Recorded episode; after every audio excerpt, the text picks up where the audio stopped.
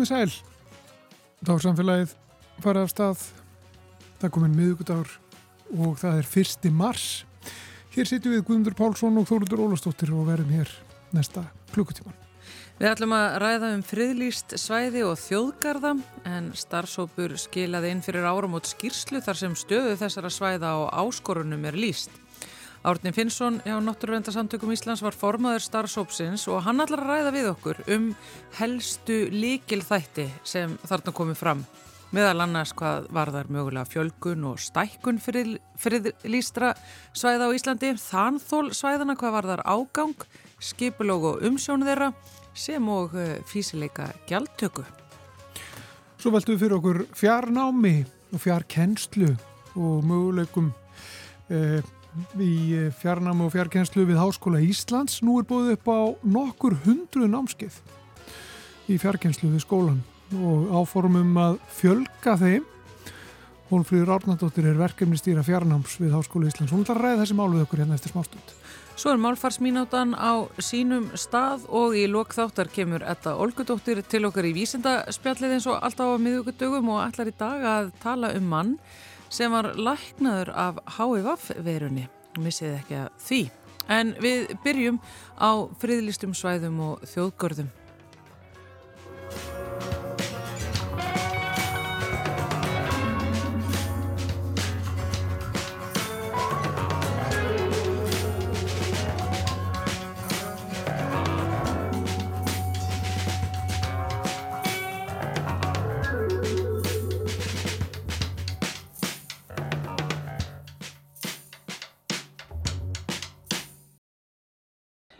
Ég sitt með Árna Finnsinni sem var formaður hóps sem fekk það hlutverk á síðasta ári að vinna skýrslu sem á að varpa ljósi á stöðu friðlýstra svæða á Íslandi og áskorunir sem þeim fylgja. Sælurstu Árni? Já, sæl. Friðlýstum svæðum hefur fjölgatölvert síðustu árin. Það er búið að stækka þjóðgarðan okkar Eh, fjölga þeim líka og það er mikil ásokn í þetta auðvitað bara með vaksandi ferðamanna eðnaði. Mm. En eins og gefur að skilja, uh, margar áskoranir og tækifæri mögulega sem að, að eru í þessu. Hvað sérstaklega voru þið að, að skoða? Við vorum að skoða við þorf til þjóðgara annara frílistafsvæða og letum gera skoðanakonum þar um. Og við vorum að skoða þar áskoranir sem stjórnvöld standa fram með fyrir á frílistum svæðum og áskoranum við stækkum þjókar og fjölgum frílistri svæða, hvaða áskorunum við það.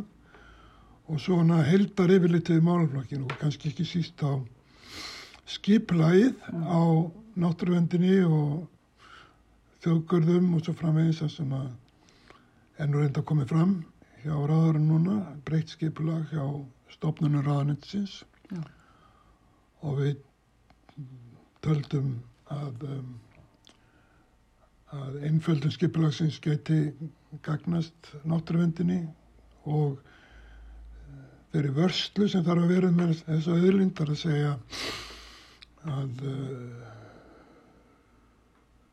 tryggja að, að tólmörg náttúruna verði virt. Að, að, og það kom mjög oft fram á fundum starfsópsins að þetta með að sko, að það eru svæði á meðalöndinu sem eru mjög, mjög eftirsóttir ferðamenn. Og álæðið er eftir veit of mikið og getur bara nefnt sem dæmi að nú er mælt með því að fólk lapi bara í eina átt á laugaveginum, ekki báðar, þannig að fólk sé ekki alltaf að mætast svona þess að þetta sé bara á laugunum hérna nýr bæ. Og við erum mjög eftirsótt ferðmannland við erum sérstaklega, við rættum mikið líka um sko skemmtifærarskipin sem að skapa mjög mikið álag. Kannski ekki álendi en, en uh, Guldfoss og Geysi Þingvelli. Og það verður að stýra þessu Já. og takmarka í rauninni aðgengi til þess að geta stýrt í Já. Ég meina, við höfum líka staðin náttúrulega sem eins og landmánulega sem eru nú mjög svo utan alfara leiðar en, en eru nú bara stundum á sömurinn bara eins og heilt þorp. Eh, sko, þegar þið eruð að skoða þessa stýringu og ræða við fólki sem að þekkir til þessa málaflokks, hvernig getur mögulega að fara fram?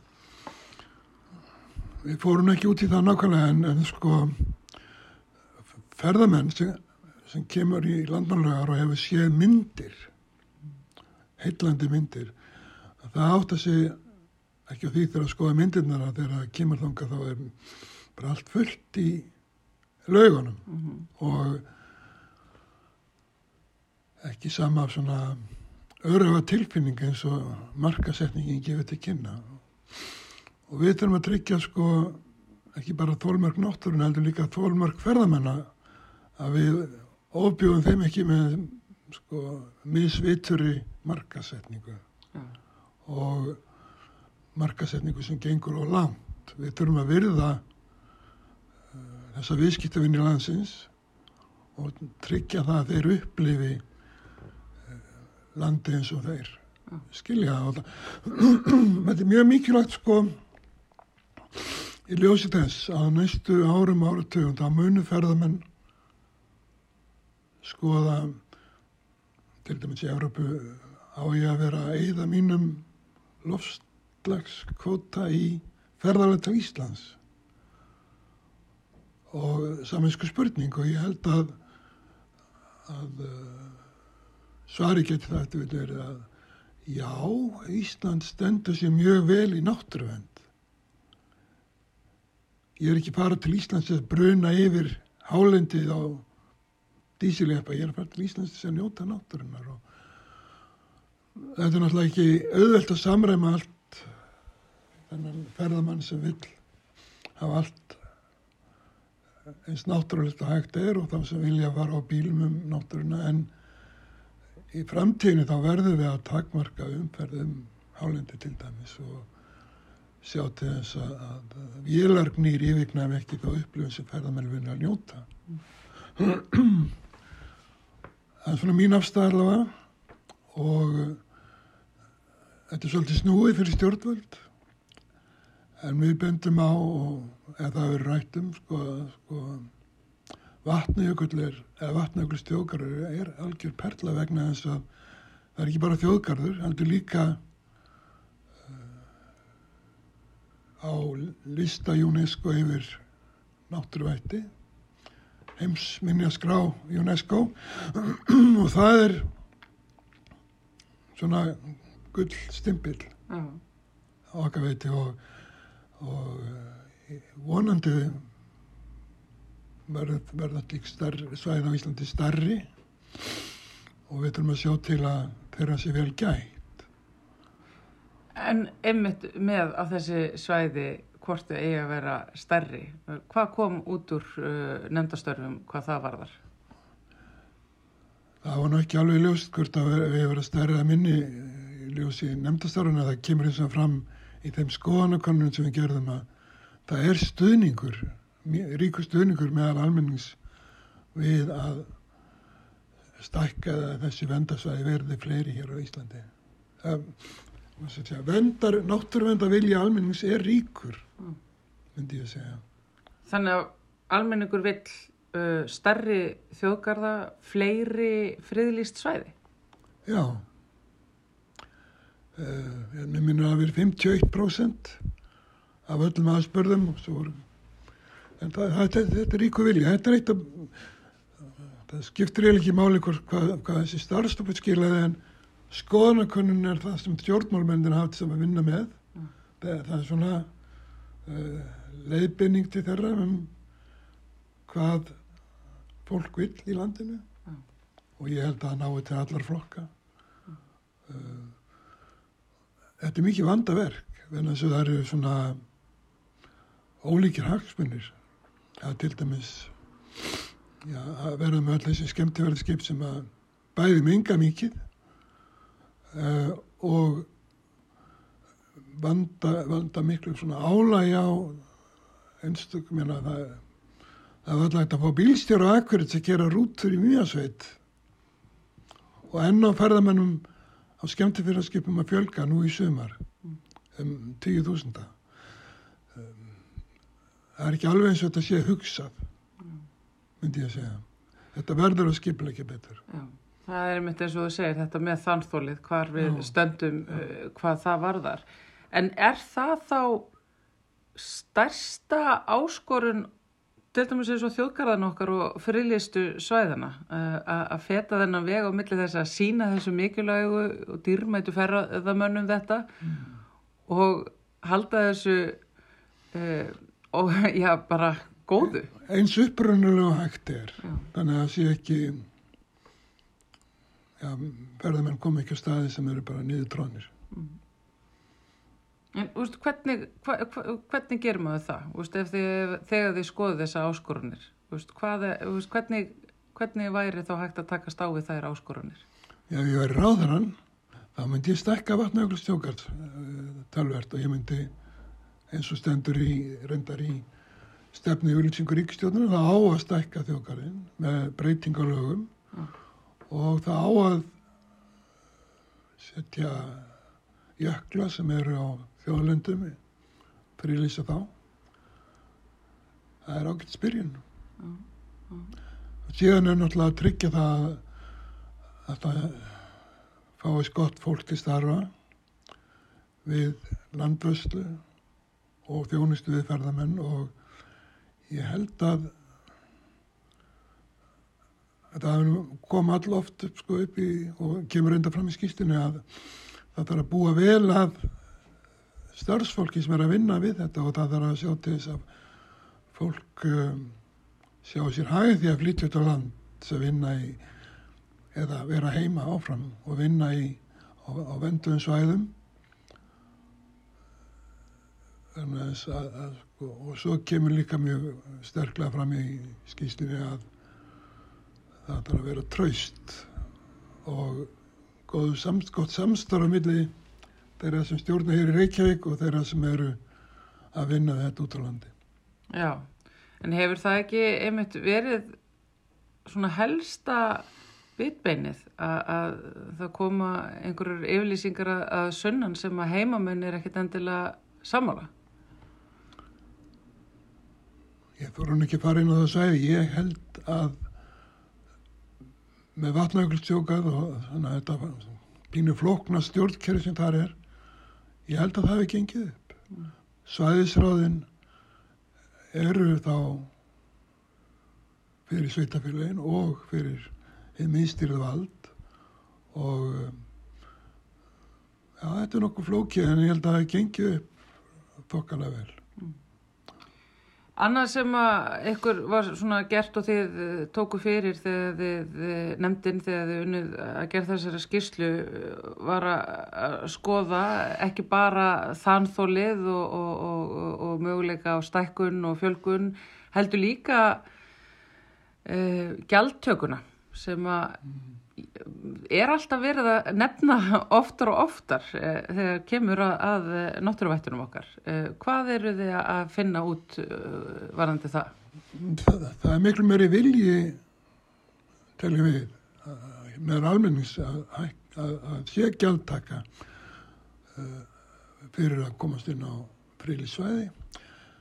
Um, hvernig það verið gert ég náttúrulega en um, gjaldtaka er bæðileg til þess að takmarka aðgengi þar að segja að fólk fari ekki inn á sveðinum að virkilega vilja og svo kostar að reyka þjókarða og frílísvæði. Það kostar og alltaf að ferðamennir borgir það og sérstaklega erlendu ferðamennir en uh, það má ekki gera þannig að það má ekki mismuna Íslandingum og öðrum þjóðum inn á ES-sveðinu.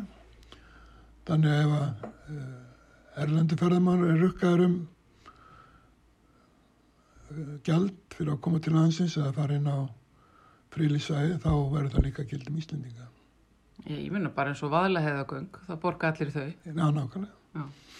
En er þá, veist, væri það þá einhver svona lust til þess að takast á við þessu svona helstu vandamál, veist, að það fylgir fjármagn heim í sveitirnar til þess að að byggja upp uh, gott starfsfólk sem að getur synd þessu verduðu svæðum og leðsögnum mm. þau og þá líka mögulega einmitt að fjármagna það að uh, þau séu stækkuð og, og, og þau séu svona útvikkuð í sátt og, og, samlinda allra. Já, eins og nefndir aðan, það er, hefur verið gaggrinni og hefur komið frá gaggrinni að, sko, að svæðið séu venduð og svo fylgjengi pinningur. Mm. Og það verður náttúrulega að tryggja það að fólk fái greitt fyrir vinnu sína og allir upplifa þeir hagnist á náttúruvendinni. Það er mjög mikilvægt. Já. Gjaldtakan er leið til þess að fjármagna náttúruvend og þjónustu við ferðamenn, já. Mm. Þetta var mjög umdelt fyrir tíu árum mann ég og náðast engi sáttu það. Maður kannski ekki segja en ég held að einfaldasta leiði var einfald að taka gjald á hvert flugmiða eða, eða ferjimiða mm. til landsins. Það þarf ekki verið átt er gert við um heim er gert við um heim, já og er gert hérna í Íslandi menn að það er það er gælt fyrir á hótelinu Reykjavík á hótelinu til landi sem að fer í samílega sjóði og ferðarþjónustin er ekki það er ekki hægt nema að komi til eh, fjármagnun og það er langt best að það sé tekinn gjöld fyrir þá þjónustu.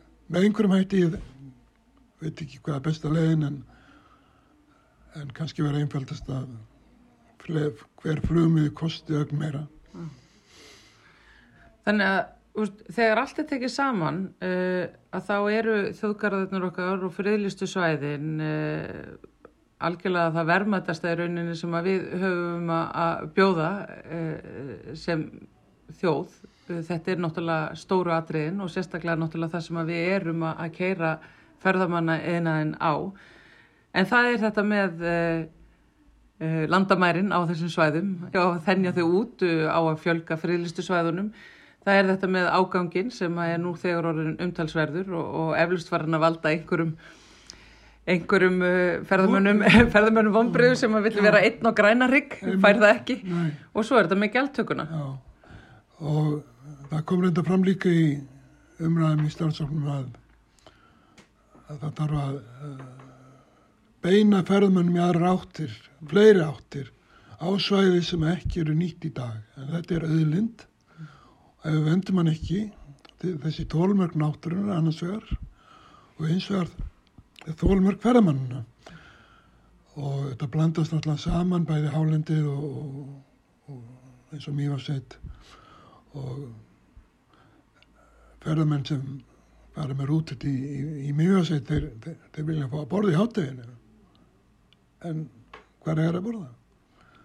Þeir þurfa að komast á snýrtinguna hvað er að fara á snýrtingu það það er svona aðtrið þetta, þetta er, sko, er ómikið fjöldi ferðarmanna sem að ferðarnum gerir áfyrir í dag og hvernig tryggjum við að að eh, ferðarmenn fari ekki tilbaka hundfúlir yfir slakri þjónustu?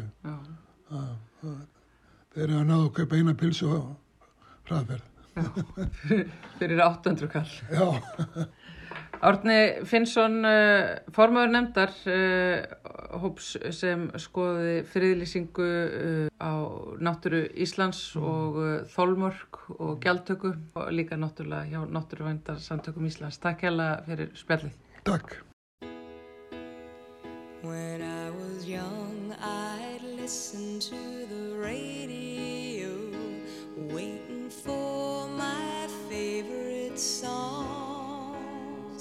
When they played, I'd sing along.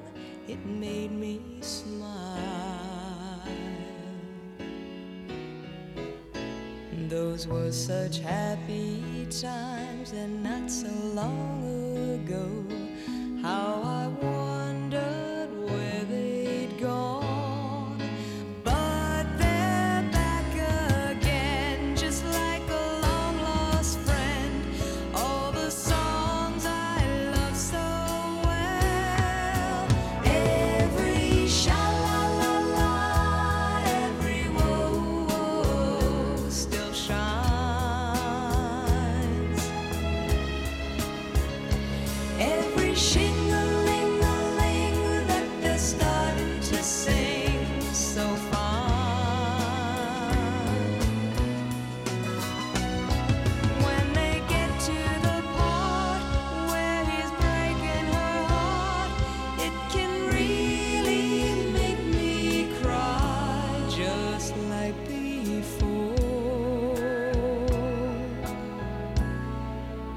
yesterday once more.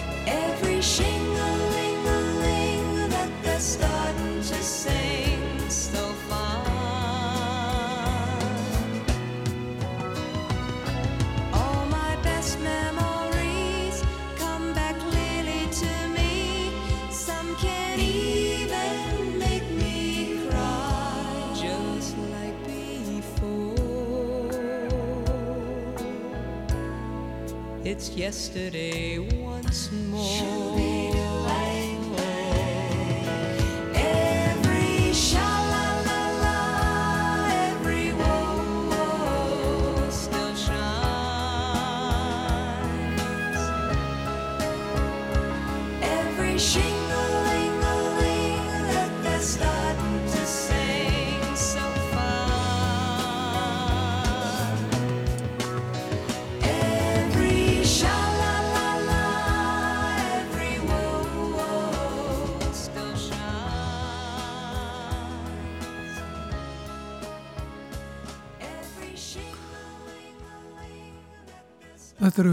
Carpenters og lag sem heitir Yesterday Once More og það er Kari Carpenter Karin Carpenter að syngja.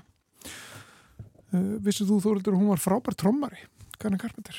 Er hún að tromma á meðan hún syngur? Ég er nú ekki viss um hún gerir það í þessu lagi en hún var vissulega frábær trommari. Já. Ég mæli með því að þú farir á YouTube og kíkir á Karin Carpenter að tromma Bara einspurning, er hægt að tromma og syngja? Já, já, já, já. Það er alveg, Það er oft gert er ofgett, já. Já. Eru, eru margir söngari sem eru líka trommarar? Nei, kannski ekki margir en ég hef ekki gert vísendalega rannsókn á því sko. En, Nei, ég hérna, hafði ekki hugmynd. það, það, Að- það eru margir sem geta það Já. það er ákveðin uh, ákveðin svona hæfileiki myndi ég segja, geta það Já, kannski eitthvað sem þú getur lært. eflaust, eflaust í fjarnámi Já, Ertu- ég, ég, ég, var, ég var að leiða þetta inn í það. þetta er að tengja inn í næsta umræðumni hún er sest hérna hjá okkur Hólfríður Árnadóttir, hún er verkefnistýra fjarnáms við Háskóla Íslands, verður velkomin til okkar. Takk fyrir. Við ætlum ekki að tala við þig um, um trommukenslu, trommunám í fjarnámi, heldur háskólanám uh, í svona víðu, víðu samhengi. Um, það er hluti af stefnu háskólans að, að ebla rafræna kenslu hætti og uh, það rýtu fjarnámi að vera stór hluti. Mm Mhm. -hmm. Það er fyrsta sem þetta er í hug bara þegar það nefndir eru rafrænir kensla þettir. Já, vissulega. Og þó að rafræni kennsluhætti nýtist öllu námi, vissulega líka, uh, með bara vefumsjöna kerfi sem er í háskólanum, Canvas og, og öðrum tækjum og, og tólum sem að nýtast bara almennt í kennslu til að auka fjölbreytni og, og na, bara mæta stærri nefndahóp. En fjarnami er vissulega líka hluti af þessu. Því tæknina þarf vissulega til til að stunda fjarnám. En hver, hversu viðamikið er fjarnám við Háskóla Íslands núna? Uh, núna er, uh, það er held ég hægt að taka uh, allar, uh, allar námsleir í, á mentavistasviði í fjarnámi og svo eru á öðrum sviðum eins og hugvísindasviði og félagsvísindasviði líka námsleir sem eru í fjarnámi. Uh, en eins og staðin núna þá erum við að reyna bæði að, að hérna, endurskipilegja og, og hérna, fjölga þeim námsleiðum sem eru í fjarnámi til að mæta bara fjölbreyttari nefndahóp og, og, og, og breyðari nefndahóp, myndi ég segja. um þetta eru nokkur hundur námskeið, sett, sem Jú. hægt er að taka í rauninni. Jú, 590 samkvæmt síðustu kennsluskrá. Það er mjög mörg námskeið. Það eru nefnilega mjög mörg námskeið. Já, En þau eru mis, mismunandi, sum eru alveg hrein fjarnámskeið, önnur eru samkend stað og fjarnám og, og hérna og sum eru í rauninni staðnámskeið þar sem að þú, einhverjir nokkri nemyndur, ég vil bara einn eða tveir fá að taka, sagt, sam, bara vegna, vegna aðstæðna, taka það í fjarnámi. Þannig að þetta, þetta er mjög mismunandi. Þetta hefur farið mikið vaksandi sko, náttúrulega bendur á vegna Já. tækninar en, en, en hérna er ekki eftirspurnin eh, líka miklu meiri heldur en bara því að hefur nánast getað annað. Hvað var þar bara það, það eru sífilt fleiri og fleiri sem að velja fjarnám frekar heldur en staðnám. Já, það eru fleiri og COVID náttúrulega kent okkur það að þetta er möguleiki. Og hérna og, og margir prófið í fyrsta sín að vera í nokkus konar fjarnámi þá það hefur verið mjög mismunandi. Og, og, og eins kennarar prófið þá að kenna uh, í fjarnámi. Þannig að það gaf möguleika og nú eru margir sem vilja bara halda áfram og bæta sig og þróa og vera enn öflugri í fjarnámi.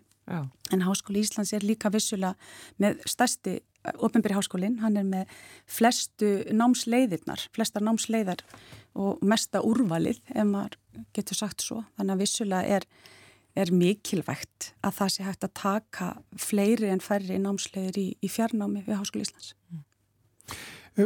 sko það er einmitt eflaust sko tæknilegt úrlausnarefni uh, að, að, að bjóða upp á fjarnám Mm og, og uh, sinna, sinna því og taka þátt í því að vera í fjarnámi. Þetta er tæknilegt úrlausnarefni náttúrulega að stórum hluta en svo þetta er miklu við að vera en það er ekki, meni þetta er miklu stærra úrlausnarefni en það. Já, uh, ef, við við hugsaum þetta út frá því að við viljum vera með gæða fjarnám, gott fjarnám, það sem nemyndur taka þátt, eru virkir og, og læra og, og, og bara eru, eru nokkus konar nemyndahópur, eru í samfélagi þó þeir séu ekki veist, á staðinum, þá er mikilvægt að horfa til náttúrulega bara kennslufræðinar og kennslufræði fjarnáms er eitthvað sem við þurfum að, horfa til þegar við erum að byggja upp námsleið sem fer í fjarnám og hún tekur til náttúrulega bara eins og ég segi þarna, það er virkni nefnda, það er hvernig við komum námsefninu, intakinu, hvernig nefndur tilenga sér intakið, hvernig við vinnum með það og annað slíkt svo með nefndunum. Þannig að þetta er, já já, þetta er, ég geti verið hérna heilengið og, og hérna rætt um þetta, þetta er alveg, þetta er heilirna verkefni. En ertu þá að segja að það eru náttúrulega þá einhverja greinar sem bara munu aldrei nokkuð tíma geta verið í fjarnámi? Ég, Eins og tæknin er til staðir akkur núna? Já, nei, ég reyndar vil meina nánast allt sé hægt að kenna í fjarnámi Nó. en þá þurfum við að vera líka samt með öflugar staðlótur inn á milli fyrir svona verknám og, og, og, og svona hluti sem þú svona er erfiðara kannski að gera í fjarnámi. Ertu að minna það bara svona eins og efnafræði eða... Já, þess vegna, já, ég, ég held að segja að kenna, setja flest allt nám upp sem fjarnám, annars vegar eða ef við hugsaum þetta á þrjá vegu eins og við erum að tala um í háskólanum, að það er fjarnám með staðlótum, eins og gjarnan er á mentavistasviði, þá koma nefnendur og eru á staðnum og eru þá að gera væntanlega eitthvað sem ekki er hægt að gera í gegnum tæknina eða nýta sér fjárfundabúnað og svo, eru, svo er fjarnám með netfundum þar sem hittust reglulega á netinu, nefnendur og kennarar og gera þar eitthvað ymslegt sem, er, sem að þarnast virkni og samvinnu og, og samtals og svo er það þá netnám sem fer alfæri fram á netinu og undir umsjón vissulega umsjónakennara eða já og hérna hefur uppá og endi en nefnandi fer þar algjörlega á sínum hraða í gegnum allt námsefni. Ó. er líklegt að þetta verði bara uh, ofan á í framtíðinni að það verði bara fjarnám verði bara kannski aðalatrið og staðnám verði svona fyrir ykkur sérvitrika Já, Það losnar fullt á húsnaði í háskóla. já, stórti spurt, já, við hættum að hafa ekki að bílastæði. bílastæðum nákvæmlega. Nei, sko. já, þetta er eiginlega svona win-win. Ég held að við verðum alveg með bæði. Eins og staðin er núna, þá er, þá er bara 5%, 5 nefnda í Háskóli Íslands í fjarnámi. En þú veist, það er ekki stór hluti sem er í fjarnámi. En, en það er alltaf að aukast og, og alveg eh, einhver 10-12% eru að taka eitthvað í fjarnámi. Þú veist ekki alveg í fjarnámi. Þannig að það er að aukast og, og það eru vissulega sumar námsbreytir sem eru búin að vera lengi með fjarnám og eru með mjög flott fjarnám.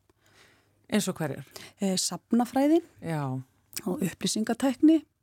Svo fór til dæmis að stað núna diplóma í, í eða farsaldardiplóman eins og við köllum hana. Það er viðbúta diplóma í, í félagsfræði með áherslu á farsaldarlögin nýju Já. og, og, og það er í viðskiptafræðinni líka og það, það er alveg e, helbriðsgagnafræðin og helbriðsvistasviði og svo náttúrulega bara fullt af námsbrytum á mentavistasviði. Já, en af, af hverju mentavistasviði komur svona látt? Sko, er, ég veit það ekki alveg. Ég, ég, spurning hvort það var bara uh, til þess að mæta þessari þörf út á landsbygðunum. Þetta er ekki bara í aðra röndina? Já, ég myndi halda það, einhvers konar jafnbryttis og, og byggðastefna að hérna í grunninn. Það hafi verið þannig. En svo náttúrulega er háskólinn á Akureyri líka, hann er með sveianlegt nám. Já. Talandi samt um byggðarstefnu, það vantar líka veist, tannlækna og lækna á landsbyðinni en mm -hmm. það nám er ekki komið í fjarnám. Það er ekki komið í fjarnám, Nei. það er áskorun. Já, það er, það er nefnilega því ég er alltaf fyrir, ég fer bara að hugsa um allar þessar námskrinar sem að, veist, ég sé bara ekki hvernig ætti að geta gert í fjarnámi. Sýndarveruleiki hologram. Er það sko að sýndarveruleika eitthvað? Nei, ekki nema bara að ganni hópurinn sko við, við, eru möguleikar, það hljópar möguleikar já, já, já, já, og bara og það eru ótal möguleikar það, það er alveg ábyggilegt. Og svo gerur greindina að það er ansið rætt já, ekkert smá. Í margi möguleikar þar. Já, já.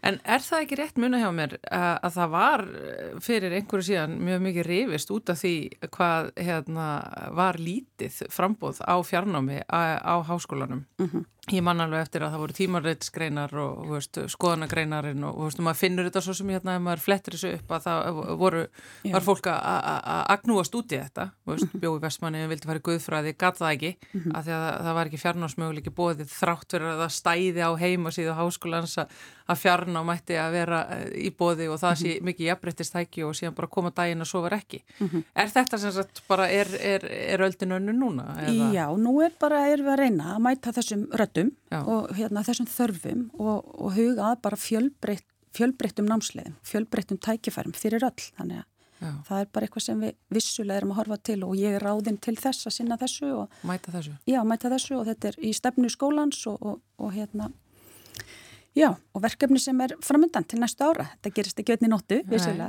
en, mm -hmm. en hérna, tækifærin eru til staðar og það er mikil áhugi í háskólan mikið lági hjá kennurum og starfsfólki. Já, já, já, ég get alveg sagt eitthvað það. Það er ég til dæmis með vinnustofa núna, ég er með tvo erlenda sérfræðinga í fjarnámi frá Orhus háskóla í, í Danmarku og það er bara 40 manns sem eru þar að hlusta á þá, hvernig þeir hérna, líta á fjarnám og kjenslufræði fjarnáms og, og, og upplýsingalæsi og annars líkt og, og hérna, það er mikill áhug. Ég held að kennarar fílið ekki að vera með fjarnámsnefndur. Þau vilja fá bara stofuna sína og fólkið og einhvern veginn. Já, það er bara alls konar. Það er bara þar eins og annars þar, það er alls konar. Það er vissulega örglega einhverjir sem vilja ekkit endilega hitta mig og, og hérna vilja bara vera í sínu, sínu en, en svo eru mjög margir áhuga samir og spurja mikið og vilja fá aðstofi að prófa að setja eitt, eitt námskeið í fjarnám og eða Já. í blandanám og hérna, prófa sér áfram. Já. Hvað gerist í COVID? Hvað gerist? Já, við, með, með fjarnám. Með fjarnámi. Þá í rauninni, sko, það fór af stað svo kallar neyðarfjarnám. Það var, það var alls konar, það voru náttúrulega þessar áskorðanir að koma námsefninu til nefnda og, engin, og fáir máttu hittast. En, en það var svona mísmennandi að gæðum. Mm -hmm. Þannig við hérna erum og kennar að fundi það sjálfur. Þeir voru ekkit endilega að fíla þetta að, að setja fyrirlestun sinn bara í, í einhvern svona opið streymi, vissi ekkit hver var á fjár endunum og, og annars líkt en fast að, og maður spyr sér líka út í nefnendur sem sittur heima og hlusta bara fyrirlestur, þannig að, hérna, við erum svona að hugsa þetta út frá kjenslufræðinni, að hérna, hugtökum eins og vendikensla og annars líkt og ebla þetta og þeir kennara sem vilja halda áfram í fjarnum og ebla sig í fjarnami út frá, frá geðaviðmum að þeir fá aðstóð og hérna já. Hvað hva skortir kennar helst upp á til þess að vera góðir fjarnúskennar svona um með ykkar einslu? Sko ég held að allir Er það þægileg fjárvera? Nei, þetta er, þetta er spurningum að vera ekki hrættur við tæknina og vera tilbúin í nýjungar og vera tilbúin að svolítið að prófa sér áfram og læra og líka vera tilbúin að mistakast því það er bara Kunna taka mjög takkana af og svona? Já, nákvæmlega, þetta er bara, já og þetta er allar, allar hérna, zoom fundamartra þetta hellast hérna yfir mig bara við þetta þannig að þessin er ég, ég bara mhm. tölver þess að það sé jákvæðinni meðal mm -hmm. uh, í kennarana að fara þessa leið. Já. En þú tala líka um gæði að þetta, þetta þarf að vera Já. Vel og garði gert. Já og Já. það er svolítið líkilatri finnst mér og okkur í stýrihofnum mm -hmm. að við gerum þetta vel, við ætlum ekki að fara bara að gera eitthvað og heldur við sem að gera þetta vel byggja á sérfræða þekking og annar að þjóða þeirra sem hafa verið með upplugt fjarnám og eins bara skólunum okkar hérna bæði mentaðistasviði og eins hinnum skólunum á landinu sem hafa verið með upplugt fjarnám í einhver ár að, hérna, að við séum að vinna saman að ég bara ebla þekkinguna og, og auka gæði náms bara fyrir fólkið í landinu og alla sem fara í nám. Já. En hvað segja rannsóknir á nefndahófnum? Er nefndi sem er í staðnámi að skila af sér betri verkefnum og hærri engunum heldur en nefndi sem er í fjarnámi? Eh, er brottfall algengara meðal fjarnefnda heldur en staðnefnda? Eh, ég viðkenn, ég er ekki alveg með þetta, ég er ekki vissum ég hef séð rannsóknir akkurat um eins og þetta, hvort það er með engunir og, og mm. annarslíkt. En nefnendur eru ánæðir ef að kennarin er góður. Mm -hmm. Og það skiptir þó ekki máli hvort hann er mitt í tölvuninðinni eða fyrir fram að þig. Ef þetta er góður kennari, er góður kennari. Góður kennari er bara góður kennari. Ah. Og, og hann getur verið góður kennari í, í fjari og hann getur verið góður kennari á stað. Ah. Og það er svolítið líkið latrið bara. Hvernig, hvernig kennari nær til nefnda, hvernig nær nefndahopnum saman og þetta getur gert á stað. Þetta eru þessir kennari sem við munum eftir sem voru bara með listina að kenna einhvern veginn og það er alveg eins með eh, fjarkennara sem er að kenna fjarnemum að ef þeir bara eru flinkir svolítið og, og bara kunna þetta og örgir í umhverfinu og, og nota þessi verkfæri sem eru í kjenslufræðinni, kjenslufræði fjarnams, þá er þetta góður kennar og þá eru nemyndur ánæðir. En hvað hefur um orðið með háskóla sem að hafa, þið eru að horfa til háskólanast það frá sem að hafa mhm. stíð þessi skref mm -hmm. og mhm. eru komin ennþá lengra jáfnvel í fjarkjænslinni. Mm -hmm. En veist, ekst þá ekki fjöldin af nefndu sem að er fyrir utan því að Háskóla Íslands hefur mhm. tekið náttúrulega mótið fjölda erlendra stúdenta en eru þá ekki erlendu stúdendur okkar bara heima á sér? Veist, ekst ekki fjöldi þannig líka? Jú, vonandi, vonandi ekst það þannig líka og það eru einhverjir, bæði Íslandingar búsettir erlendis og einhverjir erlendir nefnendur við Háskóli Íslands og við sjáum þetta náttúrulega alveg í hyllingum líka að geta bóðum bara upp á námið í fjarnámi. Þannig að þið getið í rauninni mm. tvöfalda nefndahópin í háskólanum án þess að stækka bílastæðin? Þess vegna, þess vegna. Þetta, eru, þetta er alveg þetta er rosalegt. Já, en þetta er líka, ég menna þetta er líka umhverfismál, þið, þið lítið á þetta þannig. Já, þetta er umhverfismál og þetta er bara jafnbrettismál. Þetta er bara, ég menna, akkur á ég ekki geta að lifa bílusum lífstil og búið bara, já þess er henni að Vesturbænum en sótt, sótt uh, námi í Háskóli Íslands já, já. eða í Grafavogi eða bara hvar sem er, Hólmavík, já, já, bara hvar sem er. Og ég, ég á að geta gert það ef að þetta er það sem ég vil ef ég er tilbúin að fara í fjarnám og, og mæta bara kannski sjaldan í skólan eða ekki og akkur á fólk að þurfa að rífa sig upp hérna frá rótum og flytja til Reykjavíkur til þess að fara í nám. Akkur, akkur getum við ekki haft það þannig að við getum haft þetta val og valið svolítið hvar við viljum búa og hvað við viljum læra mm -hmm. og það þarf bara að auka þann, þann fjölbyrdilega og ja. það skiptir bara miklu máli finnst mér. Já. Sér þú fyrir að það verði mikilvækning á, á næstunni í, frambóði, bara Herrið, á alveg næsta árum? Já sko, við til dæmis stemdum á svona 2-3 námsleiðir á hausti. Og núna eru, það má segja svona 7-9 að fara stað í, í vinnu núna, í vinnuferðli, þannig það er alveg svona, eins og ég myndi segja svona bara aldilis eh, framhúsgarandi árangur með það er áallanir sem við höfðum. Þannig ég er alveg bjart sín að það verði vonandi svona þrjáru námslegur, við stefnum á það á ári, svo í kjölfarið. Já. Þannig að þá fjölgi námslegunum sem er í fjárnámi. Já. Mm. Þetta er spennandi tímar. Uh, takk fyrir komuna Hólfríður Árnaldóttir, verkefni stýra fjárnáms við Háskóla Íslands. Takk fyrir mig sem er leðis.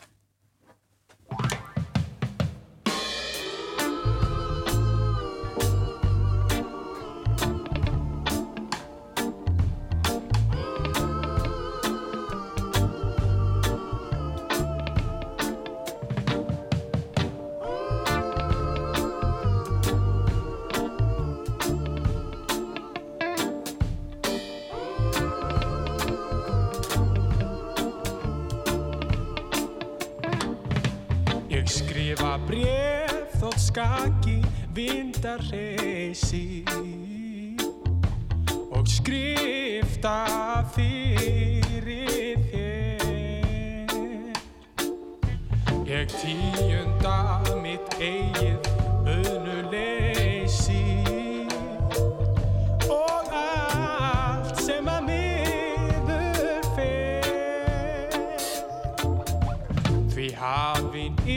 yfir hverstags leikan gráa hjartans vina mín?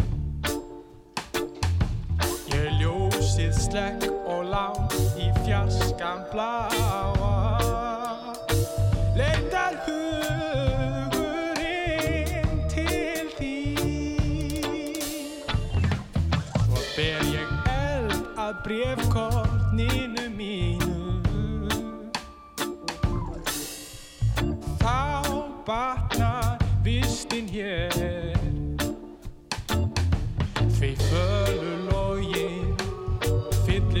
brosið þínu sem að fyrir gefur mér. Og þannig brúar þessi litla skíma. Þagnar innar hinn Þú huldu mig sem handa rúms og tíma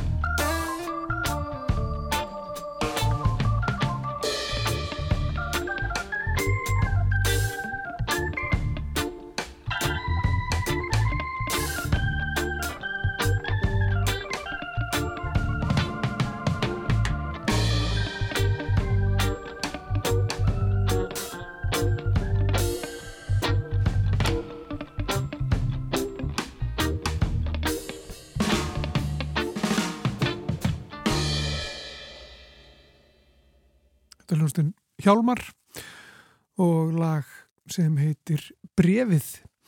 Við ætlum að spjalla við þetta Olgudóttur hér eftir örskamastund en fyrst ætlum við að heyra eina málfarsminútu.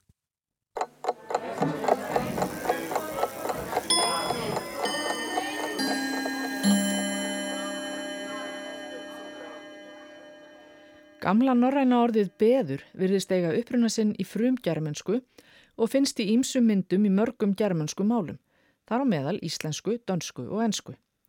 Í ensku hefur það haldið merkingunni svefnstaður en merkir líka afmarkaður reytur til rektunar. Í dönsku hefur það aðalega síðari merkinguna. Í íslensku hefur beður fengið sértæka merkingu í samsettum orðum svo sem sjúkrabeður og dánarbeður. Aftur á móti hafa danska orðið beð og enska orðið bed orðið að tökku orðum í íslensku, hvort með sína afmörkuðu merkingu. Danska orðið verður beð og hefur rektunarmerkinguna og við tölum um blómabeð, matjúrtabeð og kartablubeð. Enska orðið verður beddi á íslensku og fær með því merkinguna söpnstaður.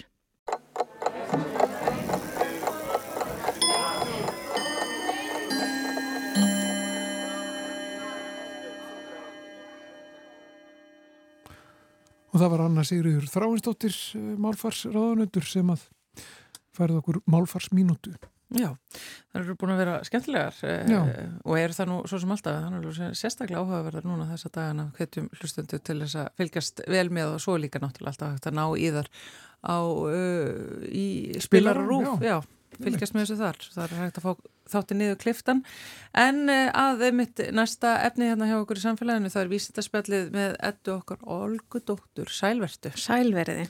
Uh, þú ert að segja okkur frá uh, manni sem að læknaðast að hái vaffverunni Já, nákvæmlega. Það er mjög sérstakt. því að Það er ekki, rosa sérstakt. Það er ekki til lækning við HVF veirunni og Nei. þessi maður er betur þekktur sem Dösseldorf sjúklingurinn vegna þess að hann er einn af þremur mönnum sem að hafa læknast af HVF veirunni. Hinn er gangundi nafninu London sjúklingurinn og Berlín sjúklingurinn. það er að segja eru tengd, hérna, þeir eru hérna tengdir við borgina þar sem að þeir voru læknaðir. Það vill þannig til reyndar að það var ekki verið að lækna þá sérstaklega af HIVAF þegar að þeir fá meðferð við sem sagt krabbameini, blóðkrabbameini eða eitthvað svona kvítblæði og hérna þeir fá sem sagt stopnfrumu meðferð þar sem er bara skipt um allar hérna blóðmyndandi frumur í líkamannum og blóðmyndandi frumur eru til dæmis frumurnar sem að mynda ónæmiskerfið okkar. Og HIVF veiran er einmitt þannig að hún kemur inn í líkamann og sest á T-frumur uh, sem eru frumur ónæmiskerfisins og smitar þær. Og HIVF veiran er svolítið sérstök vegna þess að hún er hérna það sem að heitir retroveira það þýðir að hún er með hennar hérna DNA Nei, hennar erðaefni er á RNA formi, ekki á DNA formi og hún kemur inn og þarf að umrita eða semst afrita RNA-ið sitt yfir, yfir á DNA form og það form er svo innlimað inn á okkar eigin erðaefni. Þannig að erðaefni veirunar er tjáð af okkar eigin litningum, ekki af auka litninga eitthvað staðar út í, hérna, eða auka erðaefni út í hérna inn í kjarnanum heldur ferða beint inn á erðaefnið og það er ekkert alla veirur sem gera þetta. Þannig að hún, það er eitt af því sem gerir mjög, hérna, gerir okkur mjög erfitt fyrir að lo losa okkur við hana. Hún bara sest inn á erðaefnið okkar. Og svo er sem sagt hérna, og það er líka það, annað sem að gerir það að verkum að hún stökkbreytist mjög hratt vegna að hún kemur inn með RNA sem þarf að færa yfir á DNA form sem er svo sett inn í hérna inn í okkar erðaefni og það er svolítið svona uh, villu gænt af því þú ert að færa hérna, erðaefnið yfir á nýtt form. Af því það er RNA og þú færir það yfir á DNA og svo þegar að veiran er svo að, að fjölga sér þá þarf hún að búa til fleiri RNA samindir sem eru settar inn í hennar prótínhjúp sem er þá hennar lífsform. Já. og hérna og hérna, já, einmitt, veiran ræðst á T-frumur uh, ónæmiskerfisins og sest þar að og lifir með sjúklingnum eða þeim sem hún smittar alla æfi viðkomandi. En svo eru þessir þrýr einstaklingar sem eru hér um, ef að segja hennar gæsalappa svo hefnir að fá líka krabbamein og hérna þeir fara þá í stopnfrumu meðferð þar sem að er hérna skiptum um semst, allt þeirra uh, allar þeirra stopnfrumur, blóðmyndandi stopnfrumur eru drefnar og þeir fá gjöf frá heilbriðum gjafa af stopnfrumum sem eru settar inn í þeirra líkama og þær rata bara á réttan stað og byrja að mynda vefin. Og þessi sjúklingur, hérna Dusseldorf sjúklingurinn, hann fekk krabba minn eitthvað, eitthvað tíman í kringum 42-30 ára. Var það búin að vera lengi með uh, alnami? Ég veit það ekki alveg, það kemur ekki fram en hann er semst í hérna, er með, ég er í meðferð við alnæmi eða við HVF, vegna þess að já, það er verið að halda já, já, veirunni niðri og hann er í raun og veru ekki komin á það stig að vera með alnæmi Já. En það vomir náttúrulega alltaf yfir. og Í raun getur- og já, veru. Já, og hérna svo fer hann í þessa meðferð og hann fær hérna stoppfrumur frá gjafa alveg eins og allir þessi þrín menn sem er með stökkbreytingu á geni sem heitir CCR5 og CCR5 er viðtaki sem er til staðar á T-frumurum okkar og HVF veira notar þennan viðtaka til að komast inn í frumunar okkar. Og ef muni hérna það var árið 2018 þá var hérna ég var að segja klikkaður vísindamæður í Kína sem að stökkbreytti hérna fósturvísum og úr því eruðu tvíburar. Já. og þá var hann einmitt að leika sér með þetta gen, CCR5 vegna þess að þarna voru foreldrar sem voru HVF jákvæðir áttu erfitt með að fá hérna niðugreita frjósemismeðferð og hann bauð þeim upp á þetta gullna tækifæri til að fá niðugreita frjósemismeðferð gegn því að taka þátt í þessari hérna síðblindu rannsókn. Og þar er hann einmitt af því, að, af því við vitum að þessi viðtæki hann hjálpar HIV veirun að komast inn og það eru til einstaklingar sem er ekki með þetta gen. Eða það er að segja eru með stökkbreytingu á þessu geni sem heitir delta 32 og þegar hún er til staðar þá er hérna viðtækin svo stuttur eða svo lítill, hann myndar ekki allt prótinið og þá er hann ekki virkur. Og þess vegna kemst veiran ekki inn þegar þessi viðtæki er ekki til staðar. Það er samt ekki alveg 100% vegna þess að veiran getur líka nota annan viðtaka til að komast inn. En þessi viðtaki virðist ekkit vera neitt, hann gegnir ekkit gríðarlega mikilvæg hlutverki vegna þess að ef að þú ert með hérna, þessa breytingu, það er að segja CCR5 delta 32 þannig að viðtakin er ónýtur þá hefur það engin áhrif og þessir einstaklingar bara lifa mjög góðu lífi já. en það virðist reyndar vera að þessi viðtæki hafi áhrif á einhverja annars konar síkingar sko. Já, þannig að það er Og- svona smá breytilegið þannig. Það er svona smá breytilegin, hann er ekki hérna, hann er ekki krítískur Nei. á hérna ef að fyrir okkur til þess að hafa. Þannig að hann fær, þessi einstaklingur, fær gjaf, gjafa frumur sem að vantar þennan viðtaka fyrir HIV veiruna og þegar þær koma þarna inn að þá þetta þessi hérna stopfrumur með þær hefnast mjög vel þannig að hann er í raun og veru bara með blóðmyndandi stopfrumur frá gjafanum og ekkert af sínum hans eigin frumur eru bara allar hortnar þannig að hann læknast að krabba meininu og svo er fylst með honum í tíu ár eftir meðferð. Hann fer í meðferð þarna 2012 og greinin sem ég er að vitna í núna hún er gefin út á síðast ári. Og mælist ekki, það mælast aldrei neinar HVF veirur í honum og, og hérna sex árum eftir stopnfrum meðferðina að þá er hann líka tekin af HVF livjunum þannig að vegna þess að HVF liv í dag virka þannig að við stoppum veirurnar á ákveðnum hérna, ferli, ákveðnum hérna, stað í lífsferlinum. Þannig að þær verða ekkert oft til. Þannig að við höldum veirubyrðinni niðri og það Þannig er að bara sjúkdómurinn al alnæmin ræðst ekki líka. Já, nákvæmlega. Og þannig að þeir mæla aldrei veiruna, en mæla heldur ekki mótefni gegn henni og bara ekkert, virði, hún virðist ekki vera þarna. Þannig að sex árum setna þá er hann hérna, tekin af alnæmislifjunum, eða HVF-lifjunum segja, og lifir ennþá góðu líf í dag. Þannig að nú hefur hann fengið þá, þá yfirlýsingu að hann er orðin, hann er læknaður af HVF, sem er náttúrulega frábært.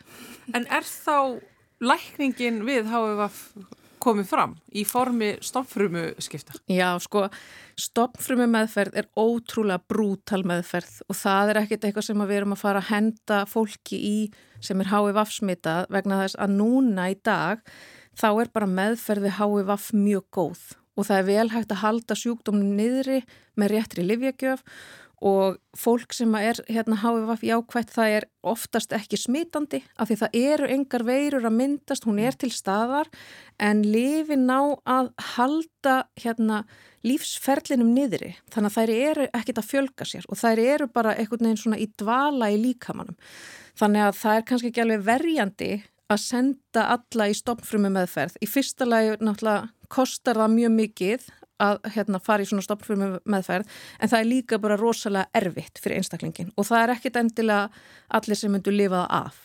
þannig að þá eru við kannski, kannski ekki alveg verjandi að fara að henda okkur í þetta. En þannig er samt komin sko rannsókn og við erum núna komið þrjá einstaklingar sem hafa farið í gegnum þetta og komið út sem HVV frýr eða hérna neikvæðir. Þannig að þannig eru við með bara getum sagt bara rosalega stóran banka af upplýsingum um hvernig hérna ónæmiskerfi virkar og hvernig hvar veiran getur verið til staðar og svo, svona hérna, upplýsingar til þess að halda áfram að rannsaka veiruna. En ég held að við séum aldrei að fara að nota þetta sem hérna, meðferðar úrræði. En, en við þá sem eru komnir með alnæmi og sjá ég fram á að deyja úr þeim sjúkdómi sko, þegar veiran er búin að taka yfir. Þá er náttúrulega kannski, er fólk ekki stakk búið til þess að fara í stoppfrumi meðferð. Já, einmitt. Því þá, þá er það bara orðið rosalega, já, já. já, þá er það bara orðið rosalega lasið. Já. En hérna, og nú þekki þetta ekkit alveg 100% mögulega kannski rétt áður nú kemur á þann stað vegna þess að þá ertu í raun og veru að endur nýja ónæmiskerfi. Þú veist að búa er til nýtt ónæmiskerfi.